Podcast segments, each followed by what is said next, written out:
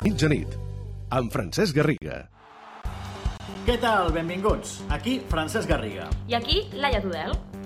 Això és el Club de la Mitjanit Home Edition, perquè nosaltres, ja ho veieu, ens quedem a casa.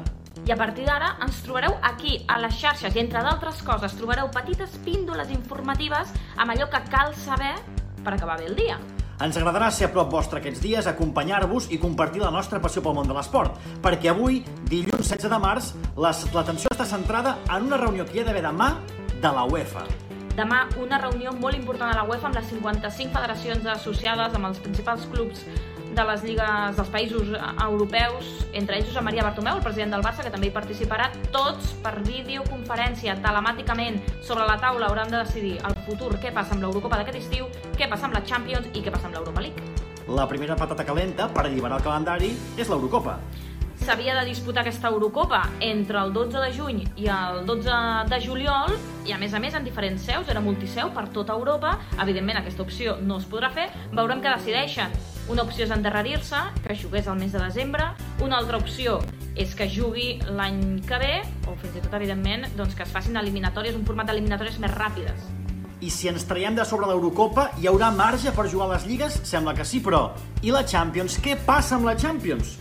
Com es resol aquesta, aquesta competició? Bé, eh, aquesta és una decisió molt important. També després de l'Eurocopa, què passa amb la Champions i l'Europa League, que ja s'ha disputat? Doncs bé, es podria fer amb eliminatòries directes i en camps neutrals, però què passa llavors amb els partits que s'han jugat fins ara i no s'han resolt, com el Madrid i el Barça, les eliminatòries? Què passa amb aquestes eliminatòries? I fins i tot hi ha formats com un play-off, o fins i tot també hi ha l'opció, evidentment, que aquesta Champions quedi anul·lada i aquesta edició quedi sense un campió. Clar, quedaran moltes preguntes a l'aire. Farem veure que el Madrid no ha perdut el partit de nada? Farem veure que el Barça no ha guanyat amb un gol fora de casa el partit de nada? Repescarem el València, que ha jugat el partit eh, sense públic a casa? Són moltes qüestions que queden per sobre. Ja ho veurem. Però i les lligues? Laia, tenim alguna resposta de com es poden solucionar les lligues? Aquí també, de moment, hi ha diferents eh, versions que van parlar en tots els països. A la Lliga Espanyola, per exemple, Javier Tebas no descarta que un cop passi tot, doncs si és al final de maig o juny, es pugui acabar jugant a porta tancada, però fins i tot amb dos o tres partits per setmana. A Itàlia han obert una altra possibilitat, que és que la temporada, que aquesta temporada no jugui, la temporada que ve es comenci jugant el que falta d'aquesta i després es jugui la nova temporada, també doncs, ajuntar molts partits entre la setmana, o fins i tot a la Premier, per exemple, es parlava de l'opció de cancel·lem aquesta competició i tampoc hi ha guanyador en aquesta edició d'aquest 2019-2020. I vinga, futbol a tot drap. Però escolta, no trobes a faltar alguna cosa en aquest vídeo, Laia? Home, sí. Estaria bé, per exemple, sentir algun del, alguns de, del, dels col·laboradors del club, sentir sentir alguna veu? Doncs va, demanem l'opinió dels nostres col·laboradors. Què espereu demà de la reunió de la UEFA? Què n'esperes? Bon vespre, gent del Club de la Mitjanit. Eh, no és fàcil prendre decisions eh, en aquests moments, i menys eh, per organismes com els de la UEFA. Si des de la convencionalitat de vegades hi han pres mesures controvertides, des de l'excepcionalitat encara es fa molt més difícil. En qualsevol cas, una de les que sembla que va prenent via seria suspendre l'Eurocopa, i donar temps eh, que els campionats, les diferents lligues de cada país i les copes europees es poguessin eh, disputar mentre es guanya temps.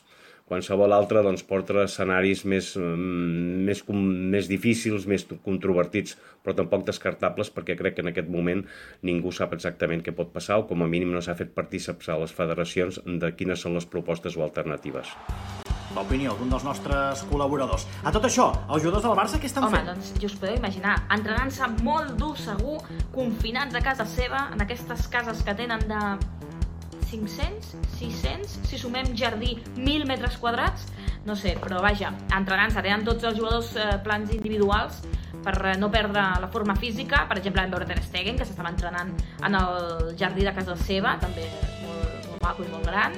Hem vist Rakitic i l'hem sentit eh, amb un missatge de conscienciació o un dels darrers que hem sentit és el tècnic del Barça, Quique Setién, també ha volgut enviar un missatge conscienciant i demanant a la gent que es quedi a casa. Mentrestant, l'Espanyol vol mostrar també la seva solidaritat. L'Espanyol ha anunciat una altra iniciativa també maca, com és que els llums de l'estall de Cornellà, tot, el, tot l'exterior, doncs en comptes de blanc i blau, o a vegades es van adaptant aquests llums, doncs que a partir d'ara, des d'avui, siguin blancs, tot blanc, en homenatge als sanitaris, infermeres, als doctors, a les metgesses del nostre país que tant estan fent i tanta feina tenen i tant ajuden aquests dies. I abans d'acabar, ja sabeu que ens agrada participar amb nosaltres, jugar una miqueta. deixem una pregunta oberta. Doncs, què n'espereu d'aquesta reunió que s'ha de produir demà de la UEFA? Quina decisió veieu o creieu que seria la millor? Comenteu eh, contestant aquesta piulada o a la secció de comentaris. Us volem escoltar, volem participar amb vosaltres. Gràcies i fins la propera. Cuideu-vos. Gràcies, fins aviat i quedeu-vos a casa.